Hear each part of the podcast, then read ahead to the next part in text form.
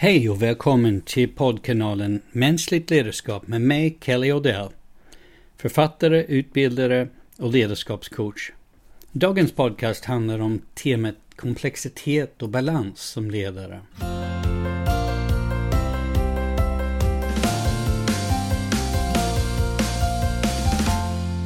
Läser man tidningar eller ser på tv-nyheter kan man lätt bli övertygad om att världen har blivit galen.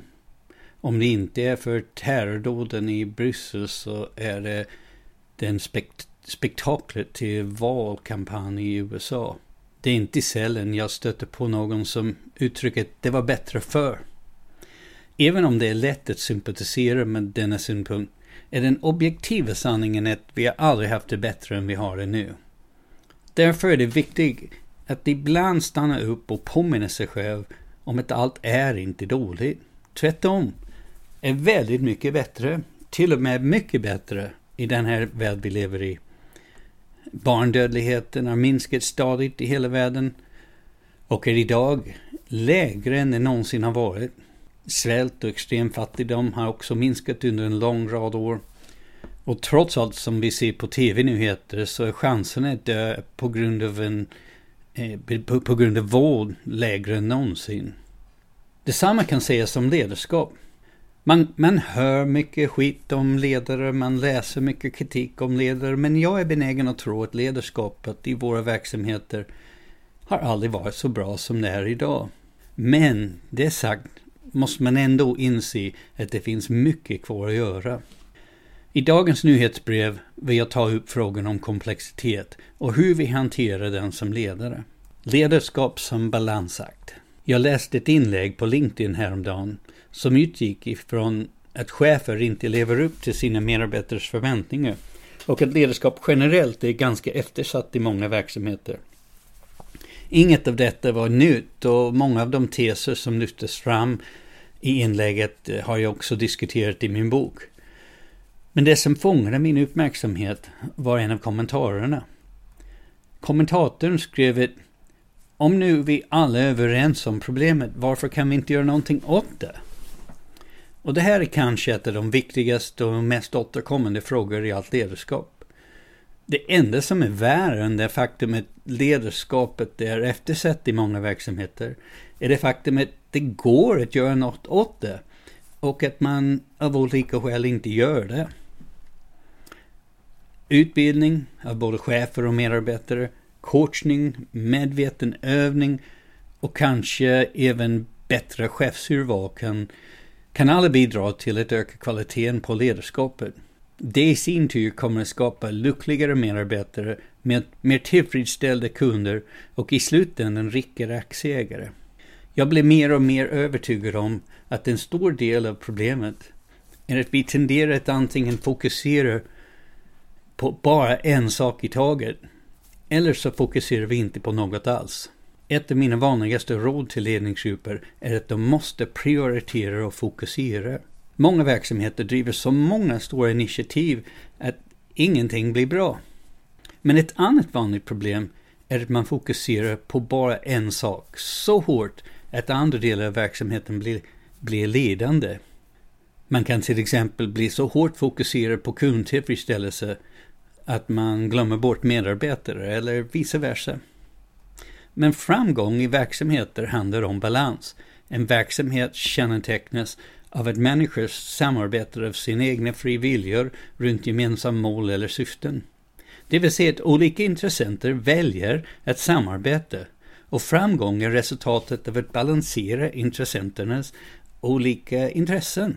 Jag hade en gammal holländsk chef en gång som brukade säga att det är ungefär som gubben i cirkus som ska hålla alla tallrikar spinnande samtidigt på pinnarna.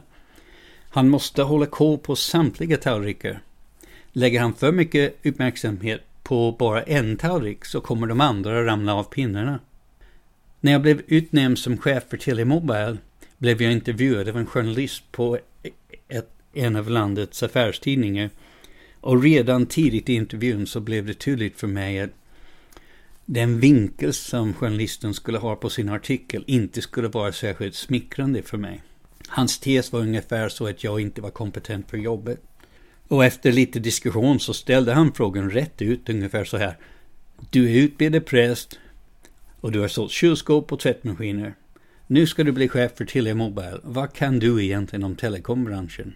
Jag svarade genom att ställa en fråga. Jag sa det, som jag har förstått det har du följt telekombranschen i många år och kan mycket om branschen och om Telia. Han nickade och jag frågade om han trodde det var något inom tele telekomteknologin som Telia behövde som de inte skulle kunna lösa. Han svarade att nog var Telia duktig på teknologi och skulle kunna lösa det mesta. Jag sa, om Telia då hade rekryterat en telekomingenjör till för att bli chef för Telia Mobile hade det egentligen bidragit med någon ny kompetens som saknas i företaget. Han frågade mig då om det var något från min prästutbildning som skulle kunna vara till nytta i rollen som chef för Telia Mobile. Då fick jag ett litet infall. Jag sa det, att tidigare i mitt liv som kristen hade vi ett koncept som kallades den heliga treenigheten.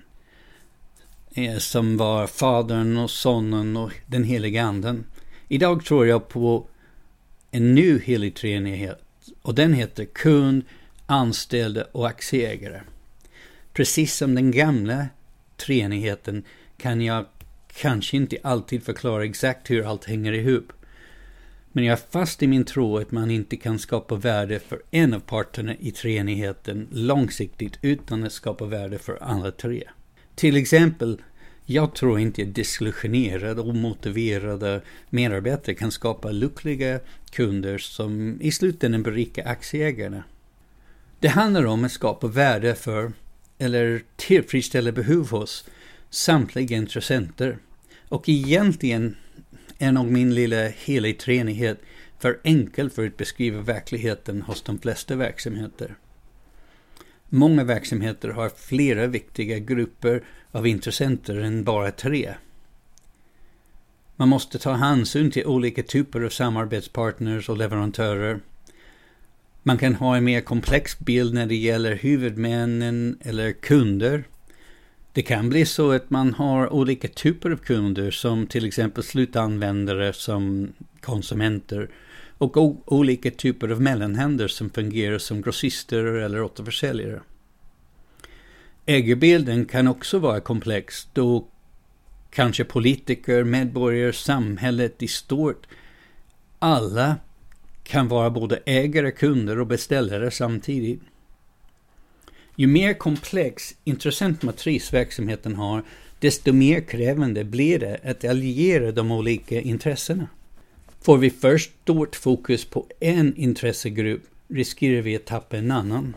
Ledarskap handlar ytterst om relationer mellan människor.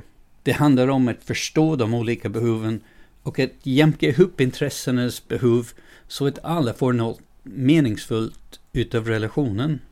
När jag gick i universitetet hade jag en professor som sa att ett bra äktenskap är där båda parter får mer utav relationen än de stoppar in i den. Jag tror detta gäller för samtliga relationer, och inte minst relationerna mellan olika intressenter på våra arbetsplatser. Så länge kunder upplever att de får mer, mer nytta utav verksamheten än det kostar dem, så kommer de att fortsätta vara kunder. Och medarbetare som får större nytta av sitt arbete än det kostar dem kommer att fortsätta med sina arbeten och så vidare. Men att samtliga parter i en relation ska kunna få mer ut av en relation än det kostar dem är komplicerat och inte något som man kan ta med en nypa salt. Detta är en central frågeställning för ledare. Nu tänkte jag att jag skulle lämna er med fem tips för att hantera komplexiteten i ledarskapsrollen. Och den första tips är att erkänna komplexiteten. Har man en överförenklad bild av utmaningen kommer man också att ha en överförenklad lösning. Som Einstein lär ha sagt, allting ska göras så enkelt som möjligt, men inte enklare. Om lösningarna låter för enkel är de förmodligen det. Tips nummer två. Kartlägg komplexiteten. Gör en intressentanalys. Beskriv med bild och ord de olika intressenter som är viktiga för er verksamhet. Vilken roll spelar dessa intressenter och vad är det för värde eller nytta som de får utav verksamheten? Tips nummer tre. Försök att förstå de gemensamma beroende som finns mellan olika intressenter som kanske inte är direkt kopplade till er verksamhet. Som till exempel om verksamheten är en myndighet bör man förstå relationerna mellan politiker, väljare och samhällsnyttan i stort. Tips nummer fyra. Tänk holistiskt. Skapa handlingsplaner som tar hänsyn till samtliga intressenters behov. Fundera på om förbättringar i verksamheten är verkligen bättre för alla intressenter eller bara någon. Och den femte tips är att fokusera bara på ett fåtal stora initiativ samtidigt. När man har insett komplexiteten i verksamheten förstår man att det är utmanande nog att lyckas med en sak i taget. När man har lyckats med ett initiativ kan man börja på nästa. Då kommer man att upptäcka att det är bättre att lyckas med en sak i taget än att misslyckas med många saker samtidigt. Tack för att du lyssnat på den här podcasten som handlar om komplexitet och balans i ledarskapsrollen. Jag hoppas du får nytta av den. Gå gärna in på min webbsida kalliodell.se och kolla på månadens boktips och artikeltips. Och tills nästa gång, tack så mycket.